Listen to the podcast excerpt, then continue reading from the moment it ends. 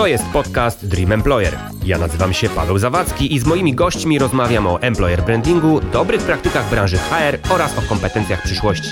Partnerem serii jest Brief.pl oraz agencja Większe Logo. Zapraszam. To jest podcast Dream Employer. Dziś moim gościem jest Anna Streżyńska, polska prawniczka, przedsiębiorca i urzędniczka państwowa, prezes zarządu startupu MC Square Innovations. Dzień dobry, witam serdecznie. Dzień dobry. Szanowna Pani, rozmawiamy w takich dość ciekawych okolicznościach środka y, pandemii koronawirusa. Chciałbym, żebyśmy sobie dzisiaj porozmawiali trochę o tym, jak ta epidemia zmienia, zmieniła albo będzie zmieniała zarówno branżę technologiczną, jak i to, na czym chciałbym się dzisiaj skupić, czyli branżę y, HR oraz employer employer brandingu. Pani dość mocno związana jest y, i z jedną gałęzią, czyli z tymi HR-owymi, employer brandingowymi rozwiązaniami, jak i tymi technologicznymi, ale może y, zaczniemy od takiego big picture. Co na przestrzeni ostatnich trzech, czterech miesięcy w tej całej sytuacji pandemicznej najbardziej w Pani ocenie zmieniło branżę, to znaczy zmieniło myślenie o startupach, zmieniło myślenie o innowacji, o tym, w jaki w ogóle sposób powinno się dzisiaj myśleć o nowych, nowatorskich rozwiązaniach. Wbrew pozorom to teraz nie jest jeszcze e, moment, kiedy możemy mówić o e, takim ostatecznym obrazie tej zmiany. I z drugiej strony wydaje mi się, że w tej chwili mamy więcej do czynienia czymś w rodzaju e, zniekształceń i wynaturzeń, może tak to nazwę. W pewnym sensie celowo też mówię e, takimi ostrzejszymi słowami, bo to, co determinuje obecnie nasze myślenie i o teraźniejszości, i o przyszłości, to jest przede wszystkim strach. E, on powoli, powoli zaczyna wygasać, ale po pierwsze, nie w, całej, nie w całym społeczeństwie, a zatem też nie w całym biznesie, e, nie równomiernie e, i nie na zawsze, e, ale na tyle silnie determinuje obecne myślenie o przyszłości biznesowej, o rozwoju, o innowacjach, że mm, powoduje, że koncentrujemy się na rozwiązaniach takich trochę tu i teraz i nie do końca e, myślimy o tym takim bardzo szerokim zakresie możliwości, które ta pandemia wykreuje, jeśli chodzi o w szczególności o transformację e, cyfrową społeczeństwa i biznesu. Dzisiaj się siłą rzeczy koncentrujemy na takim najbliższym kręgu naszych i potrzeb i naszych przede wszystkim naszych bliskich więc e, cały wysiłek jest e, skierowany na rozwój tego typu e, rozwiązań, aplikacji, technologii, które wspierają walkę z pandemią, które umożliwiają zachowanie ciągłości biznesowej, które dotyczą po prostu bieżących, bardzo bieżących problemów. Zatem można powiedzieć, że w pewnym sensie staliśmy się takimi wycofanymi egocentrykami, którzy próbują ogarnąć e, najważniejsze potrzeby i bardzo słabo widzą to, co będzie za rogiem, co będzie za kwartał, co będzie za dwa kwartały. Po prostu życie nas do tego w tej chwili zmusza. Natomiast oczywiście tak nie będzie e, stale. To poczucie zagrożenia, które już e, towarzyszy nam od trzech miesięcy z górką. E, mimo wszystko widać, że powoduje pewnego rodzaju odbicie się. Górę biorą zwyczajne, normalne zachowania ludzi, nastawione jednak na relacje międzyludzkie i na e, rozwój, na to, żeby zapewnić sobie również przyszłość zaczyna wchodzić drugi rodzaj strachu, czyli strach przed tym, co będzie, jeżeli nie zaczniemy reagować, jeżeli nie zaczniemy uczyć się żyć w tej sytuacji, która nas spotkała, w tej tak zwanej nowej normalności.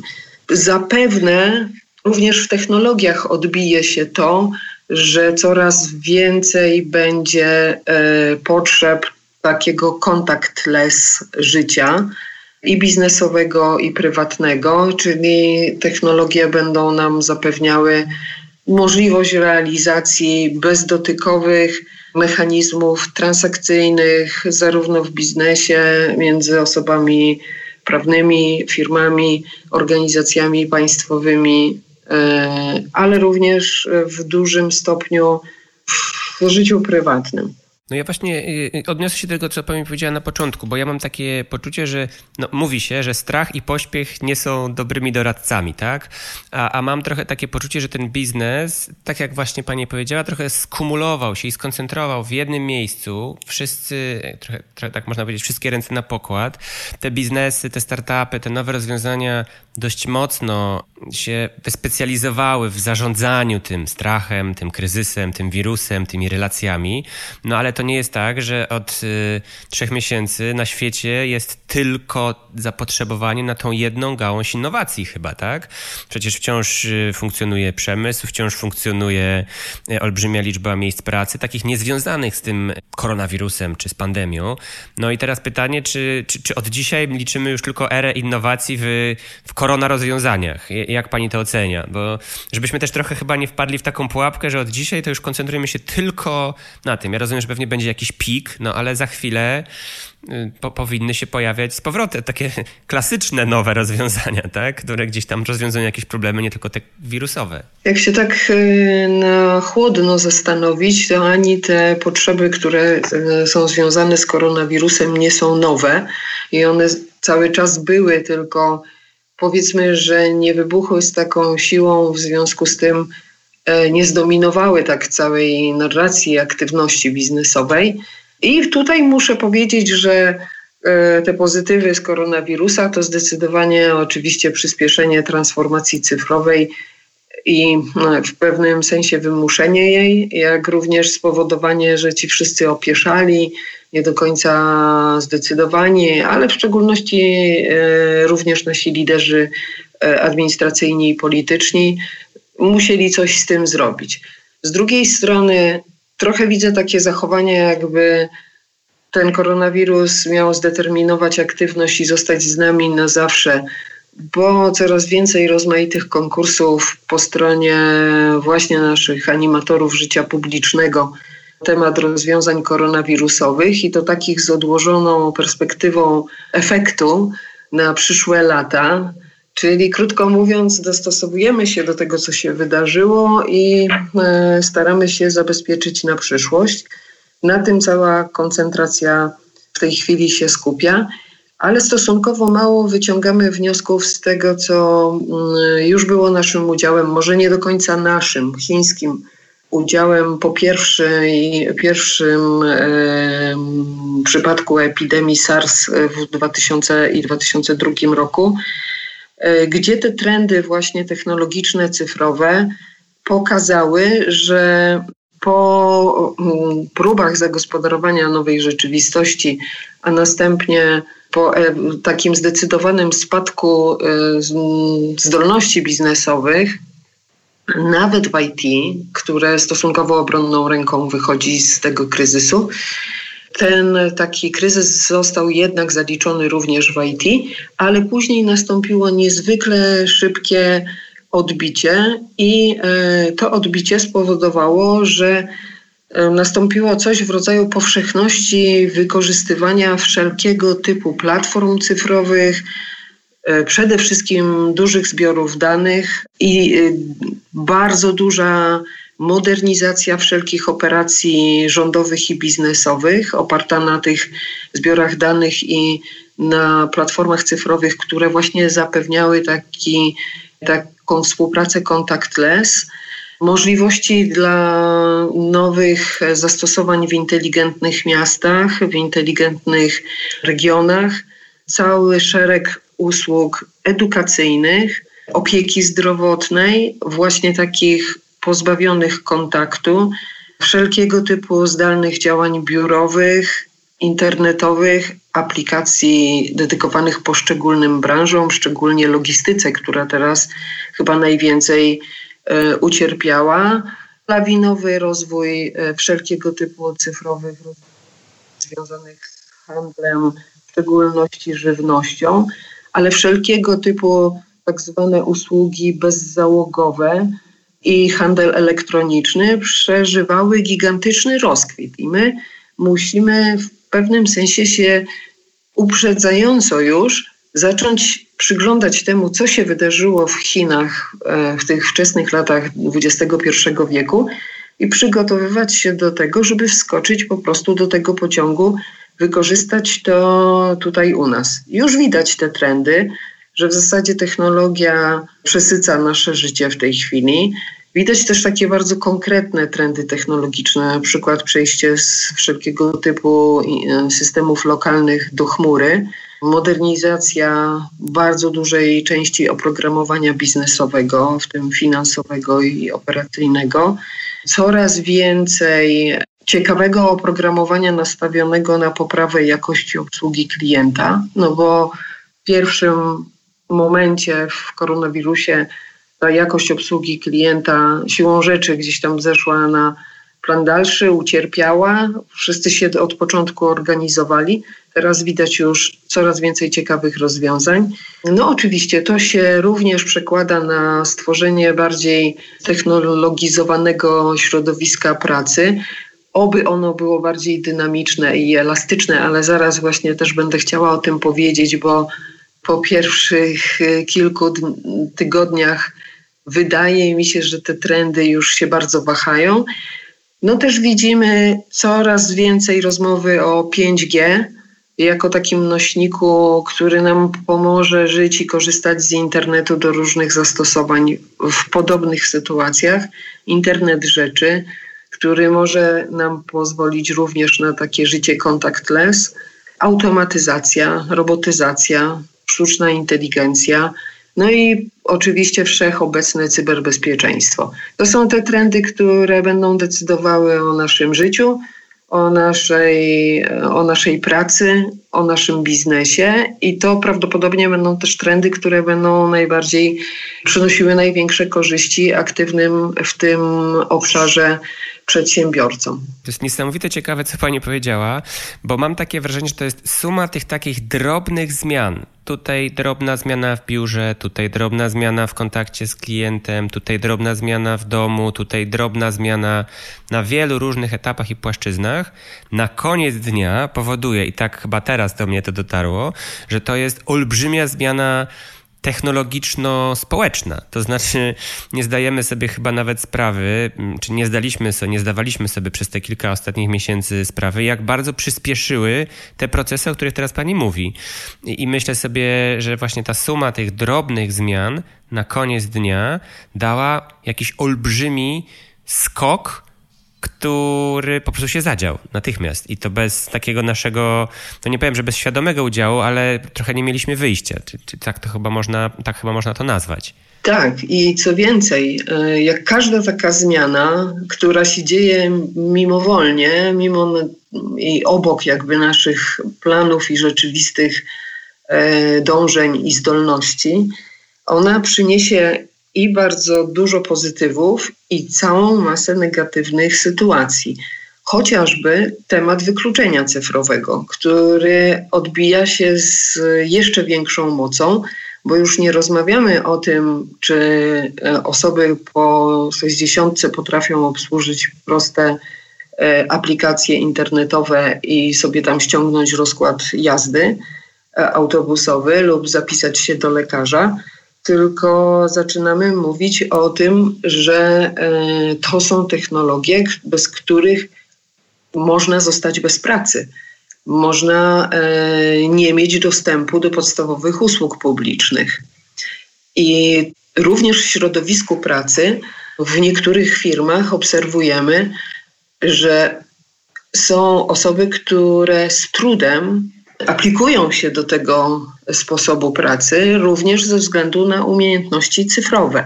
Na pewnego rodzaju już takie niedostosowanie. To ci, którzy, już moje pokolenie, 50-latków, nie urodzili się z, ze smartfonem w ręce. Nie mają tego wbudowanego w DNA po prostu. Mm, I e, przed e, pracodawcami stoją kolejne wyzwania. E, zaopiekować się takimi pracownikami. Już to zostało nawet dostrzeżone przez rządzących i coraz częściej mówi się o zmianach w kodeksie pracy, które chronią tę warstwę pracowników przed utratą pracy i nakładają w pewnym sensie na pracodawców obowiązek znalezienia takich e, rozwiązań w pracy, takich miejsc w strukturze pracy, które będą mogły być wykonywane przez osoby bardzo mało cyfrowe i wręcz niezdolne do tego, żeby ten obszar dobrze opanować. To e, jeżeli coś takiego nie nastąpi, jeżeli sami pracodawcy nie zaczną patrzeć na to pokolenie przełomu pewnym sensie z miłością, czyli z taką troską, to yy, naprawdę bardzo dużo skutków takich mentalnych, psychospołecznych będziemy musieli zagospodarować w naszym społeczeństwie, bo to nie będą pojedyncze przypadki osób, które powiedzmy gorzej znoszą izolację. To będą masowe ilości osób, które są nieprzygotowane do cyfrowego środowiska pracy.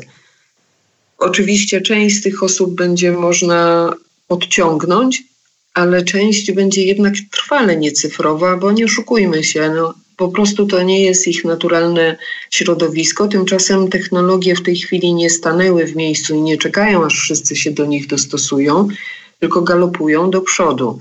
I ten dystans umiejętności, braku kompetencji ciągle się powiększa.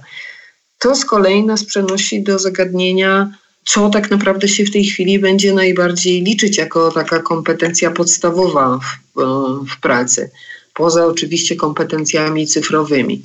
To wydaje się, że to jest umiejętność dostosowywania się, absorpcji nowych warunków, nie tylko technologicznych, ale wszelkich nowych, również tej miażdżącej zmiany, jaką jest e, przeniesienie się z pracy face to face na pracę online, umiejętność stałego uczenia się, dobre znoszenie w ogóle samej zmiany, odnalezienie się w takich nowych sposobach funkcjonowania społecznego, to będą prawdziwe wyzwania. Wydaje się, że bardzo słabo obserwowane w tej chwili, ale pojawiają się już pewne problemy mentalne, które wynikają z tego, że ludziom się mm, porządek rzeczy, nad którym pracowali e, prywatnie i służbowo przez wiele lat, e, zawalił. To są i relacje międzyludzkie, to są też e, sposoby współpracy, to jest sposób uprawiania kreatywności, to jest sposób wentylowania swoich wszelkiego typu napięć to wszystko w tej chwili nie działa. To się po prostu kompletnie zmieniło. I w tym całym, w tej całej presji, w tym całym ścisku y, takich mentalnych problemów, jeszcze dochodzi do tego konieczność stania się innym człowiekiem zawodowo.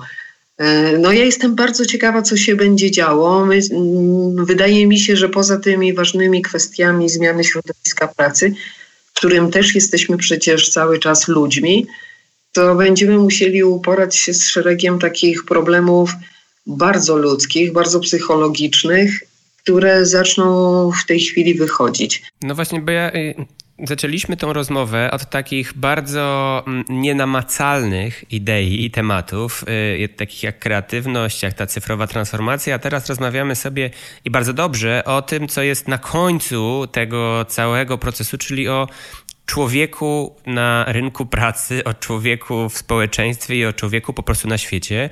Bo tak jak pani słusznie zauważyła, tych procesów, które teraz są no powiedzmy sobie szczerze, zaburzone, bo to nie jest tak, że chyba, to, to, chyba nie jest tak, że one zniknęły, one po prostu szukają teraz jakiegoś swojego nowego wcielenia, tak? tej regulacji, tej motywacji, tego e, bycia w kontakcie społecznym, to się bardzo szybko zmienia, więc y, ja bym chciał właśnie, żebyśmy się teraz na tym człowieku skoncentrowali, bo na, na koniec dnia w tych organizacjach, które no, nie, nie postawiły na sztuczną inteligencję i automatyzację, no są dziesiątki, setki, jak nie tysiące, jak nie tysiące ludzi, którzy dzisiaj budzą się rano i myślą sobie, co ja mam robić, to znaczy kim mam być, czego mam się uczyć. No powiedziała Pani o tej kompetencji przyszłości kluczowej, jaką jest adaptacja i absorpcja nowych, nie wiem, zmian, systemów, technologii, aplikacji. Pytanie, czy to wystarczy? Y, czy do tego nie jest potrzebny jeszcze jakiś inny zestaw kompetencji, czy takiej wytrzymałości, na to, co się już nawet w oderwaniu od tego, tego wirusa, no bo załóżmy, że on zaraz zniknie, no ale te zmiany pozostaną, tak? Tak jak pani powiedziała, cyfrowe, te historie związane z pracą zdalną, z, z chmurowością tej pracy. Jak, przed jakimi wyzwaniami stoi dzisiaj branża HR, zarówno po stronie pracodawcy, jak i po stronie tego pracownika? Znaczy, gdzie tutaj warto postawić punkty ciężkości, gdzie są takie wielkie znaki zapytania, a gdzie absolutnie wiemy, co się zadzieje. Jest, są, ma Pani jakieś takie estymacje swoje? Ja cały czas e, wracam do tego, co się dzieje z ludźmi jako takimi e, w tej sytuacji i później szerzej w e, tej, która zostanie wykreowana już po pandemii, ale jak wiemy wszyscy, e, raczej nie wróci do poprzedniej normy. Rozmawiam z dużymi korporacjami bankowymi, telekomunikacyjnymi i mówią mi koledzy, że 4 do 8% pracowników e, przychodzi do pracy, pozostali są w domach online. Bardzo różnie można oceniać ich aktywność. Firmy szczególnie właśnie te duże, są w pewnym sensie na takim jakby stanie alarmowym, minimum niezbędnych e, czynności potrzebnych do utrzymania ciągłości firmy. E, zero nowych aktywności, nie tylko z powodów finansowych, ale również z powodu tego, że ta praca no, trochę inaczej wygląda w tej chwili zabiera więcej czasu, gdzieś się rozpełza, nie jest ujęta w jakieś takie bardzo konkretne ramy. I ta jakaś taka proaktywność, inicjatywa, innowacyjność, one po pierwszym takim okresie entuzjazmu związanym z pracą zdalną, e, zaczynają e, gdzieś po prostu topnieć e, pod wpływem spadającej motywacji. Jednak człowiek jest e, zwierzęciem społecznym. Nawet e, introwertycy potrzebują relacji międzyludzkich, żeby odbić w swoje ja w czyichś oczach i zobaczyć, kim naprawdę jestem, co wnoszę do e, zespołu, do grupy, do społeczeństwa, do jakiejś relacji. Tego nam nie zapewnią nigdy komputery.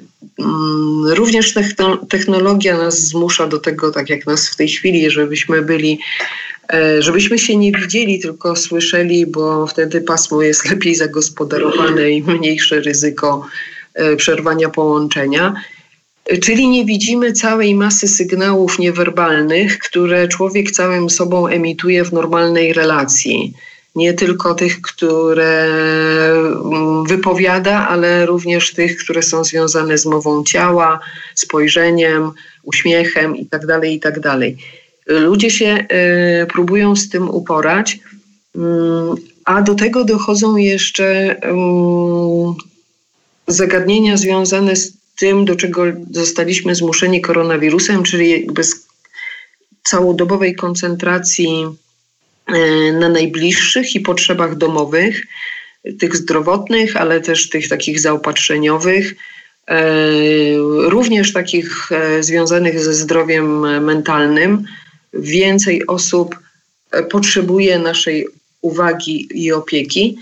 I my, pozostając w domu w przyszłych środowiskach pracy opartych na home office, nadal będziemy żyli w świecie, w którym praca i dom po prostu się płynnie przenikają. Jak, mm, nie wiem, e, takie dwie fale, które się zaplatają w pewnym sensie w jakiś taki warkocz przez cały dzień.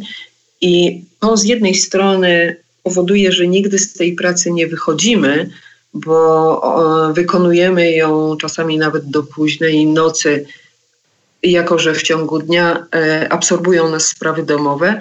Z drugiej strony e, dodatkowe obciążenia związane też z edukacją dzieci czy opieką nad osobami starszymi powodują, że nie mamy tej pełnej koncentracji na pracy w ciągu dnia, więc za każdym razem, kiedy nam ktoś przerwie, potrzebujemy czasu, żeby wejść ponownie w ten e, stan zaangażowania, mm, zmotywowania do wykonania zadania.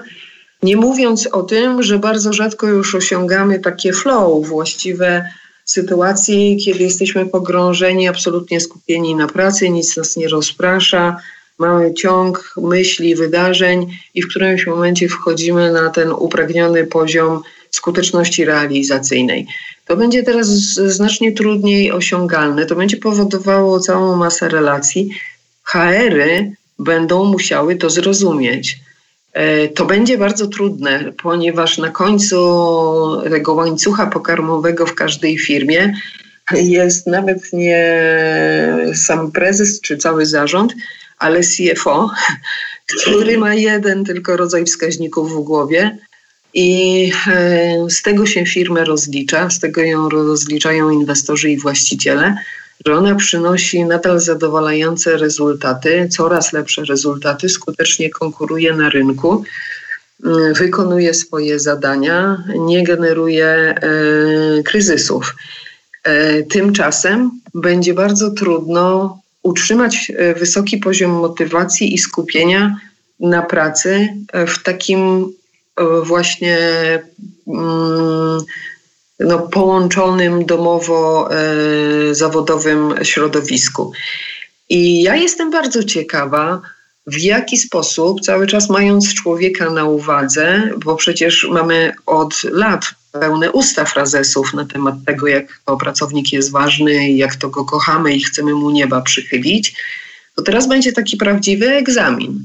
Czy to była tylko manipulacja, napędzana benefitami, żeby pracownik lepiej pracował, się bardziej skoncentrował i tłukł te e, KPI -e coraz wyższe i wyższe, czy istotnie widzimy go e, jako osobę ludzką z całą złożonością jej potrzeb i problemów i jesteśmy skłonni poszukać takiego kompromisu, który pozwoli i na realizację zadań, celów e, zawodowych i na realizację tych aspiracji i potrzeb domowych. Już ludzie są w głębokim konflikcie. Widzę to we wszystkich współpracujących firmach, wśród przyjaciół również, w mojej własnej firmie, gdzie e, młode rodziny z małymi dziećmi próbują pogodzić zaangażowanie w startup, czyli takie stuprocentowe oddanie biznesowi ze stuprocentowym oddaniem swojej rodzinie i potrzebom tej rodziny, szczególnie tam powiedzmy w tym obliczu jakiegoś zwiększonego zagrożenia. E, no, to będzie naprawdę wyzwanie, w którym będzie potrzeba. To już nie będzie żaden employer branding, bo to jest e, działalność, która jest skupiona na reklamowaniu marki pracodawcy wszystkimi możliwymi sposobami, ale niekoniecznie zawsze przekłada się na realne zmiany wewnątrz firmy. A teraz naprawdę trzeba będzie pomyśleć o tym, jak współczesna firma ma z tym wszystkim funkcjonować i nie po to, żeby się pokazać, na zewnątrz i powiedzmy skusić jeden czy drugi e, talent do przyjścia do pracy, tylko żeby e, kontynuować biznes, mieć wyniki i jednocześnie stwarzać dobre środowisko dla rozwoju ludzi i ich aspiracji. No ja właśnie chciałem się przybliżyć do tego, co pani powiedziała na temat. Yy tego sprawdzam dla branży HR-owej, employer brandingowej. Kilka razy w tym podcaście, w rozmowie z innymi gośćmi, padło właśnie takie stwierdzenie, że cała ta sytuacja, która teraz ma miejsce, jest takim olbrzymim testem dla działów HR i dla działów employer brandingu, bo tak jak słusznie pani powiedziała, te wyświechtane już trochę frazesy, te wszystkie benefity, te wszystkie mm, programy dla pracowników y, okazały się z dnia na dzień w zasadzie niewiele warte. Nie mówię o tym tak bardzo szeroko, bo pewnie są firmy, które sobie z tym świetnie poradziły, ale w bardzo wielu miejscach okazało się, że wszystkie benefity, imprezy integracyjne, wspaniałe, owocowe wtorki, środy, czwartki, czy jakkolwiek inaczej motywuje się pracowników dzisiaj w tych nowoczesnych y, firmach, firmach czy startupach, po prostu z dnia na dzień przestały mieć swoją moc i okazało się, że no jednak, drogi pracowniku, no przez ostatni czas mówiliśmy ci, że jesteś dla nas ważny i dbamy o ciebie, rozwijamy cię, masz tysiąc różnych bonusów i programów, no ale jednak to jest ostatni twój bonus, czyli exit karton i żegnamy się z tobą. Mm, no i teraz y, branża employer brandingowa ma chyba teraz olbrzymi problem, bo nagle nie chodzi o wizerunek pracodawcy jako świetnego miejsca pracy, tylko na przykład stawia się punkt ciężkości, jak z, z godnością albo jak elegancko z pracownikami się żegna, albo jak pracowników wysyła się w stan uśpienia, albo jak się ich przemodelowuje, żeby wciąż zostali blisko organizacji, mm, a z drugiej strony nie mieli takiego poczucia, że zostali na lodzie. Ja pytam o tym w kontekście no, jednej z firm, którą pani się zajmuje, e, Carrot Spot, która no, jednak stawia, z tego co rozumiem, punkt ciężkości na te procesy motywacyjne, na te procesy budowania zespołów, na te procesy zdobywania wspólnych celów. No, zakładam, że to się teraz pewnie musi nawet nie drobno, ale mocno zmienić i jednak trzeba jakoś te zespoły HR-owe, employer brandingowe i te zespoły ludzkie jakoś od nowa ze sobą łączyć, motywować i wspierać. Jak to wygląda? W pewnym sensie z punktu widzenia e, Spot i tego naszego produktu, to koronawirus, e, no nie mogliśmy dostać lepszego prezentu, ponieważ on tak zweryfikował myślenie ludzi o e, właśnie relacjach pracownik-pracodawca, dokładnie w tym kierunku, w który my od początku uprawialiśmy w Carrot Spot i ubolewaliśmy od początku, że e, jest nikłe zrozumienie dla e, prawdziwych podstaw motywacji w człowieku. E, każdy, myślę, z nas może sięgnąć gdzieś do swojej przeszłości, czy zawodowej, czy edukacyjnej, czy jakiejś prywatnej i przypomnieć sobie, ile razy robił coś absolutnie bez żadnego powodu e, czy wzmocnienia e, materialnego. Robił, ponieważ chciał, ponieważ uważał za słuszne, ponieważ miał z tego fan, ponieważ to było dobre dla jakiejś grupy. Mm, ja myślę, że nie należy do jakichś wyjątków. W w całym swoim życiu miałam bardzo dużo takich przykładów, kiedy moja mm, płaca była haniebnie niska, nawet nie pozwalała mi na spięcie budżetu domowego, mm, a jednak pracowałam dzień i noc, ponieważ tematyka, e, cel, jaki przyświecał danemu zadaniu, po prostu e, grał w mojej duszy.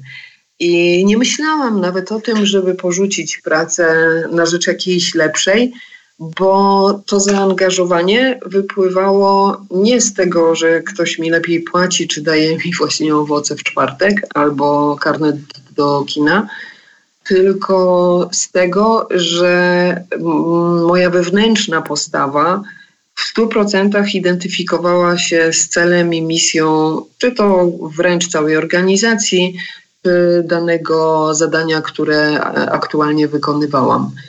I każdy z nas to w sobie ma. Ja zawsze miałam e, takie przekonanie i mówiłam to, ile razy obejmowałam jakieś e, kierowanie jakąś instytucją, że ludziom trzeba pomóc dostrzec to w nich, co jest dobre, wydobyć to, uruchomić, ponieważ e, ta mimikra, gdzie oni się po prostu przyczaili i udają, że ich nie ma, wynika z zewnętrznych okoliczności. Sztucznych i bardzo często e, w ogóle bardzo negatywnych, ale jeżeli tylko się pozwoli im pokazać, że mają pomysły, że mają inicjatywę, że wiedzą, jak zrobić, żeby ktoś na tym zyskał, oni to zrobią, bo przestaną się bać, jeżeli takie będzie wyraźnie sformułowane oczekiwanie. I ludzie nie potrzebują, żebyśmy ich stale przekupywali coraz to e, lepszymi dobrami. Jeżeli firma dzieli się e, swoim majątkiem w ten sposób, że na przykład zapewnia wyżywienie w ciągu dnia pracy, albo jakieś imprezy integracyjne, albo e, możliwość wypoczynku czy odłączenia się chwilowo od spraw zawodowych i zagrania w piłkarzyki, to bardzo fajnie, ale w uczciwych relacjach między e, pracodawcą a pracownikiem jest też miejsce na to, żeby komunikować jasno e, status firmy i mówić, e, również mówić, wiesz, odcinanie kuponów od naszego biznesu przyjdzie troszeczkę później, bo dziś jeszcze nas na to nie stać, ale masz wpływ na to, co się tu dzieje E, możesz decydować w swoim zakresie. E, my Cię słuchamy uważnie, co masz do powiedzenia, bo i ufamy Ci, i jesteś dobrym specjalistą. I w ten sposób się tworzy miejsca pracy, które naprawdę odpowiadają hasłu well-being, a nie są tylko e, pakietem świadczeń pozapłacowych, które mają w pewnym sensie no, zatkać pracownikom usta i spowodować, że E, nie odejdą lub też podejmą pracę w tej instytucji, bo jest bogaty pakiet świadczeń pracowników.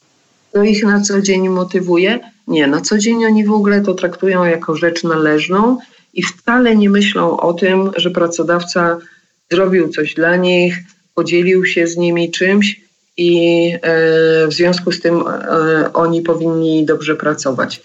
Ich motywują rzeczy zwykłe, bo człowiek na szczęście jest tak skonstruowany, że motywuje go pochwała, motywuje go sukces, motywuje go uznanie współpracowników, motywuje go e, to, że jest dostrzeżony w ogóle przez swoich zwierzchników.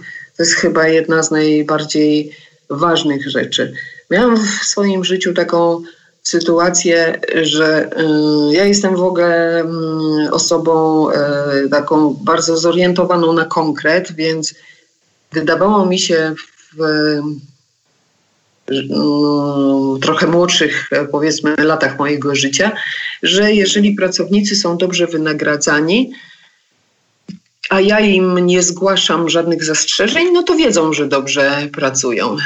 Nic bardziej mylnego. Namówił mnie dyrektor generalny jednego z moich urzędów, żeby e, z powodu braku pieniędzy na premię wręczyć tym wyróżniającym się pracownikom dyplomy.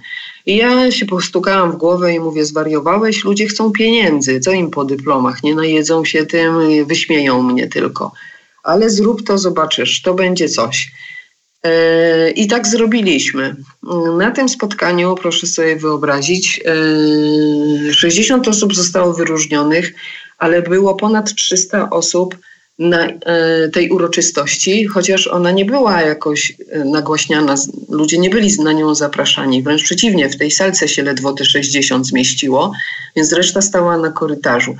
Dla nich to było wielkie święto. Im pierwszy raz ktoś podziękował i imiennie wywołał ich i powiedział, co dobrego wnieśli do organizacji. Samo poczucie tego, że e, ja wiem, co oni zrobili, czym się kto zajmuje, znam ich z imienia i nazwiska w tej e, łącznie 600-osobowej organizacji było czymś tak nowym, że widziałam po prostu na własne oczy, że niektórzy się popłakali, otrzymując ten dyplom, papierowy dyplom.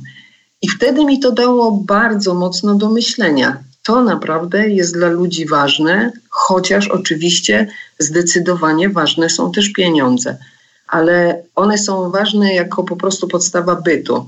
Natomiast w takim codziennym motywowaniu, żeby codziennie przychodzić do pracy E, z radością, z pasją, z planem na to, co dzisiaj zrobię, to znacznie bardziej działają te motywatory niematerialne. I my się właśnie skupialiśmy w Karotspot od początku na tej warstwie e, psychologicznej, na tym, żeby po prostu poprawić zwyczajnie relacje między pracodawcą a pracownikiem I koronawirus, obcinając budżety i też trochę zwracając uwagę na człowieka jako takiego, właśnie z tymi wszystkimi swoimi problemami, lękami, skomplikowaną domową sytuacją i tak dalej, to w pewnym sensie wyciągnął karot spod na wierzch i, i powiedział: No to jest właśnie to narzędzie, które nie manipuluje, nie próbuje ludzi przekupywać, żeby lepiej pracowali, tylko stawia na dialog, na zaufanie, na współpracę. E, I tak myślę, że będą wyglądały w przyszłości e, szerzej sposoby budowania relacji pomiędzy pracownikiem i pracodawcą. Oczywiście e, te wartości, które są ważne dla CFO, naszego magicznego, czyli e, procesy wynagradzania, e, skuteczność doceniania, przekładanie się zaangażowanych w pracowników pieniędzy na ROI, no to wszystko będzie nadal oczywiście ważne. Produktywność, retencja pracowników, E, przychody firmy, wytworzenie e, majątku, KPI, to będzie ważne. Przy czym to będzie bardziej oparte na takich relacjach win-win, w których obie strony zachowują pewnego rodzaju równowagę i ani pracownicy nie wywierają takiej presji e, na pracodawcę, jeśli mi nie dasz tych owocowych czwartków, to znajdę sobie takich, którzy mi dadzą nie tylko czwartki, ale i wtorki. I w drugą stronę pracodawca będzie też w większym stopniu uwzględniał potrzeby pracownika, będzie budował taką atmosferę zaufania, że pracownik nie będzie się bał powiedzieć mu, a teraz przechodzę w domu ciężkie chwile, nie wiem, tam choroba czy cokolwiek innego, E, daj mi trochę luzu na dwa miesiące, żebym mógł swoje sprawy uporządkować, później z nawiązką e, odpracuję. Tego brakuje w, na razie w tych relacjach, ale myślę, że jesteśmy dokładnie w tym takim punkcie wrażliwości, gdzie wszyscy widzimy, że te sprawy ludzkie na koniec i tak są ważniejsze niż wszystkie e, wskaźniki świata. No ja właśnie myślę sobie o tym wszystkim, co pani powiedziała w kontekście tego człowieka na końcu, tych wszystkich procesów i tych wszystkich dobrze, mądrze, ciekawie wymyślonych, często dobrze zoptymalizowanych właśnie procesów HR-owych, a jednak wydaje mi się, że słowo, które tutaj tak góruje nad tym, o czym sobie rozmawiamy, to jest ta elastyczność, bo no w dobie teraz tej cyfrowej transformacji, która dla większości ludzi jednak będzie oznaczać po prostu pracę zdalną. I też mam takie poczucie, że dla pani czy dla mnie no ta cyfrowa transformacja to jednak jest trochę więcej. To jest pewnie wejście w jakiś ekosystem, czy skorzystanie z jakichś nowych czy nowoczesnych rozwiązań, ale dla większości ludzi to jest w 90% po prostu praca z domu, praca zdalna, y, jakieś narzędzie do, do komunikowania się z pozostałymi ludźmi.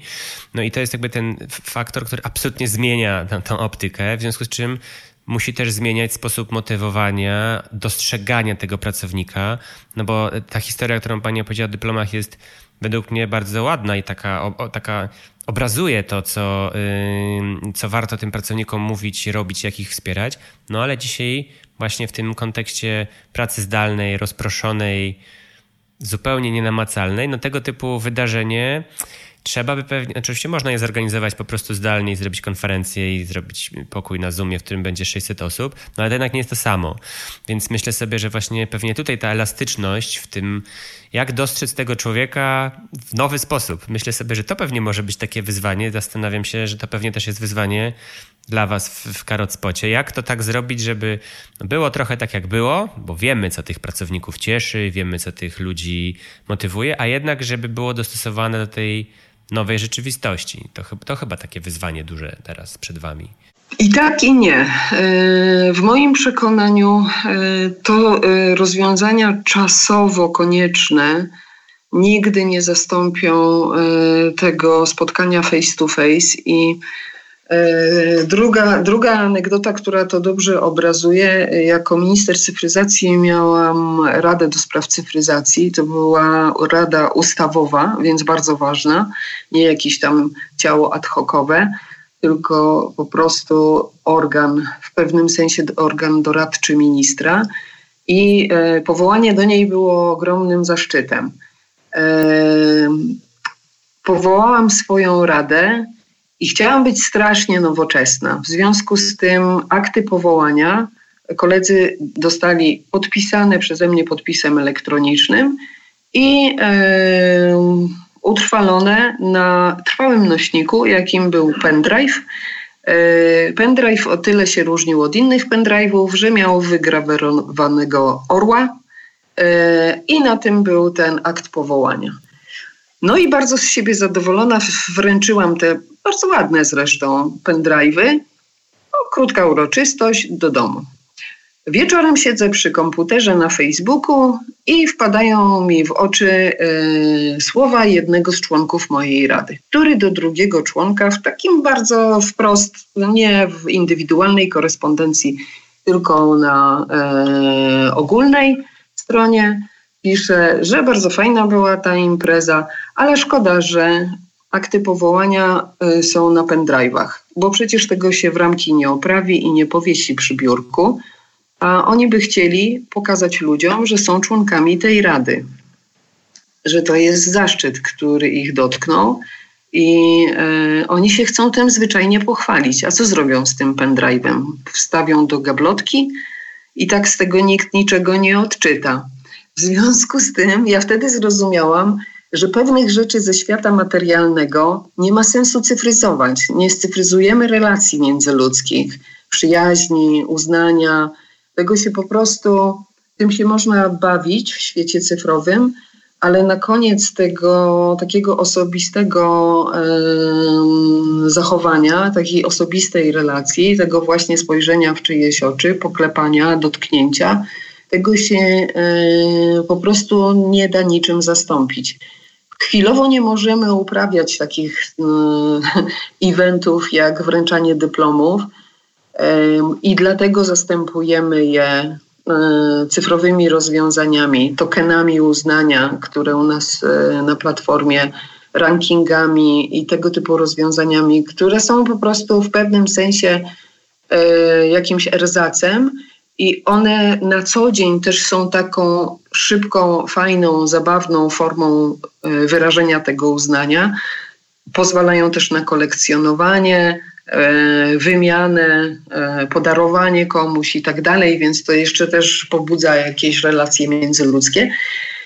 Ale i tak każdy z nas chce mimo wszystko dostąpić tego momentu, kiedy z tym swoim, nie wiem, kolegą, autorytetem w pracy, szefem, będzie mógł zwyczajnie zamienić parę słów w windzie, chociażby zostać rozpoznanym i usłyszeć: O, dobra robota, stary, albo tam panie inżynierze, to było naprawdę coś, to mi się podobało.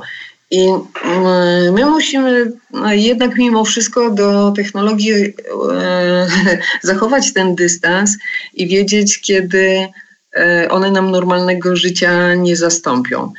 Ale prawda jest oczywiście też taka, że na co dzień potrzebujemy tych e, fajnych bodźców i cyfryzacja pozwala nam je dostarczać w sposób łatwiejszy niż gdyby szef miał codziennie obejść tam 10 czy 15 osób, które fajnie pracowały i z nimi zamienić parę słów.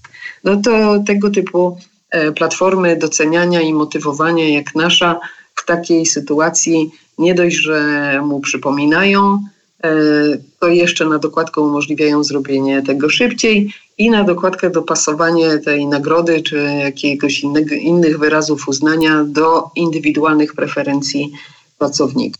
Natomiast w biznesie samym w sobie, to mm, jak mówimy o tym, że w tej chwili się koncentrujemy bardziej na takim tu i teraz i na tych rozwiązaniach, które właśnie są związane z pracą zdalną, a przecież to e, w transformacji cyfrowej nie o to chodzi, to tutaj ma Pan e, absolutną rację. My jesteśmy na progu transformacji cyfrowej rozumianej nie jako przejście z jednego sposobu pracy na drugi, tylko e, na progu transformacji cyfrowej rozumianej jako eliminacja nieoptymalnych procesów biznesowych, które właśnie w tej chwili wyłażą na wierzch i pokazują, ile mamy papierologii, ile mamy gotówkowego obrotu, ile mamy bzdurnych procedur, które w momencie, kiedy trzeba było naprawdę je zastosować w obliczu zagrożenia, Okazało się, że nie działają, ponieważ nie są e, cyfrowe. Nie można ich w tym nowym świecie w ogóle uruchomić. I e, nieoptymalne procesy to tylko e, zwiększają skalę problemu przy próbach cyfryzacji. No ja właśnie pozwolę sobie wejść w słowo, bo rozmawiałem ostatnio z osobą, która pracuje w bardzo dużej firmie zajmującej się e-commerce'em całej Europie sprzedają swoje produkty, olbrzymie obroty. No wydawałoby się, że bardzo nowoczesna firma. Oczywiście w kryzysie wszyscy work from home, nie ma problemu, odbyło się nawet bez jakichś większych zwolnień. Natomiast cały dział HR-u musi raz tam na dwa czy trzy dni przyjechać do biura, żeby wydrukować jakieś papiery, podpisać je i wysłać je albo zwykłą pocztą, albo je zeskanować i wysłać mailem. I ja jak usłyszałem, ja jak usłyszałem o tym procesie, pomyślałem sobie, to wy pracujecie zdalnie, jesteście wielkim e-commerce'em, optymalizujecie i cyfryzujecie większość swoich procesów po to, żeby co piątek cztery dziewczyny z HR usiadły, przystawiły 10 pieczątek i wysłały listy polecone. I to właśnie, i to właśnie było dla mnie takim, taką wisienką na torcie tego, o czym mówimy w cyfrowej transformacji. Czyli tak, na powierzchni wszystko jest super, bo wdrożyliśmy, ale pod powierzchnią no wciąż drepczemy na tą pocztę i wysyłamy te listy polecone, czy tam pieczątki muszą po prostu na tych dokumentach być. No trochę to takie paradoksalne. Stąd wynika w ogóle cała ta pierwotna panika przez ten pierwszy kwartał koronawirusa, bo co z tego, że sobie zrobimy jeden czy drugi czat z pracownikami i mamy do tego 50 narzędzi, notabene zwariować już z nimi można, bo i Teamsy, i Slack, i Skype, i jeszcze cała masa innych, i yy, każdy inaczej się obsługuje, ale działa. Ale co z tego? Wszystkie papiery leżą w kuwetkach. Dokładnie. Wszystkie papiery są po prostu mityczne kuwetki i szafki. Dokładnie. Potrzebują pieczątek, potrzebują podpisów. Czyli krótko mówiąc, tak naprawdę nadal jesteśmy w sytuacji, gdzie potrzebujemy ludzi do tego, żeby załatwić y, rutynowe, prostackie zupełnie sprawy, nie potrzebujemy wcale ludzi utalentowanych do tego, żeby nas przenieśli do nowej rzeczywistości, tylko potrzebujemy po prostu długopisów. Ja sama pełnię taką funkcję, bo w startupie prezes to jest tylko ładniejsza nazwa sekretarki. E, I z przerażeniem patrzę, bo nie jest to wina e, biznesu, że nasze otoczenie administracyjne wymaga od nas obecności, wymaga od nas pieczątek, wymaga od nas podpisów na papierze. Nawet e, kilka dni temu przygotowywałam właśnie dokumentację do jednego z akceleratorów finansowanych z programu operacyjnego e, Inteligentny Rozwój. To jest samo serce cyfrowego, cyfrowej transformacji robionej e, za pieniądze unijne, ten program. I zużyłam ryzę papieru, żeby e, przygotować raport końcowy i rozliczyć ten projekt. Ryzę papieru. Patrzę na to i tak siedziałam na tarasie i robiłam to na tarasie. Cały wielki stół tarasowy pokryty papierem. Mówię, i to jest chyba najlepszy obraz Polski cyfrowej, jaki ostatnio widziałam. Bo właśnie otoczenie od nas wymaga absolutnie niecyfrowych zachowań, i nie mamy zupełnie na to wpływu. Więc my potrzebujemy nawet nie IT e, i sprawnego działu IT, tylko sprawnego menadżera, który rozumie procesy, które są w firmie, umie je poprawić, zredukować do rzeczy niezbędnych, e, umie zaplanować nowe procesy. Najpierw potrafi zrobić taką analizę procesową, która zapewni, że zespół rozumie to, co się na bieżąco dzieje, rozumie potrzeby, rozumie, jak to zoptymalizować i później robi wdrożenie, jak trzeba, to jeszcze yy, zmodyfikuje. Czyli potrzebujemy człowieka, który spowoduje, że te procesy zostaną przygotowane dopiero do transformacji cyfrowej. I wtedy będziemy mieli rzeczywiście pozytywne efekty. Dlaczego u nas to się nie dzieje? Dlatego, że siły, siła robocza tak zwana jest nadal najtańszym zasobem. Taniej jest zatrudnić trzecią panią, czwartą panią, żeby klepała te pieczątki, drukowała te kwity i stała przy kopiarce, niż e, zrobić e, porządne procesy i zredukować ilość niepotrzebnych e, działań. No i w tym sensie to jesteśmy trochę w przededniu takiego rozwiązania, takiego dylematu e, przy stole operacyjnym, czy dzisiaj w obliczu zagrożenia koronawirusowego, nie dla nas samych, tylko dla naszych biznesów, dla ich ciągłości, decydujemy się wykonać operację ratującą życie i wprowadzamy czat do firmy, czy decydujemy się wszczepić protezę bioniczną do sprawnego organizmu, żeby był jeszcze bardziej sprawny. I wtedy robimy e, zaawansowaną operację podnoszącą e, zdolność firmy do e, konkurowania na rynku.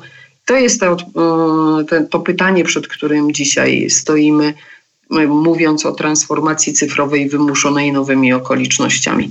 Obawiam się, że Większość z nas myśli jednak o operacji ratującej życie. Trochę okoliczności nas do tego um, zmuszają, ale namawiałabym wszystkich, żeby patrzyli na to właśnie jak na szansę do tego, żeby sobie tę bionikę do mięśni przyczepić i dostać nowego poweru. Nie zapominając oczywiście o ludziach, którzy w tej rzeczywistości będą musieli się odnaleźć, ale długoterminowo będą mieli większe szanse przetrwać w dobrej kondycji i y, utrzymać swoje rodziny niż w tych firmach, które tam pyrczą tak na małym ogniu. No ja właśnie widzę teraz i, i, widzę z rynku i po tej rozmowie też tak czuję, że przed liderami olbrzymie wyzwanie i to, ta, ta decyzja, o której teraz pani powiedziała, czyli albo w jedną, albo w drugą na tym stole operacyjnym, to oczywiście nie jest jedyna decyzja, przed którą stoją liderzy, ale myślę, że to właśnie może być jedna z takich ważniejszych, czyli w którą stronę pójdziemy, gdzie zoptymalizujemy procesy, na co się zdecydujemy i, i to niestety wymaga pewnego rodzaju takiej odwagi lidera i takiego no, długowzrocznego patrzenia i powiedzenia sobie, że ten biznes dzisiaj to nie jest sprint, który przez ostatnie trzy miesiące wszyscy robili, czyli jak najszybciej dobiec, gdzieś coś zrobić, wytworzyć, założyć, kupić, sprzedać i, i zorganizować, tylko jednak maraton, w którym te długofalowe decyzje mogą być po prostu, znaczy są kluczowe i, i warto się nad nimi, warto się nad nimi rozsądnie pochylić. E, myślę sobie, że tak dobijając e, powoli do brzegu, e, no, bardzo chciałem podziękować za te no, bardzo ciekawe historie.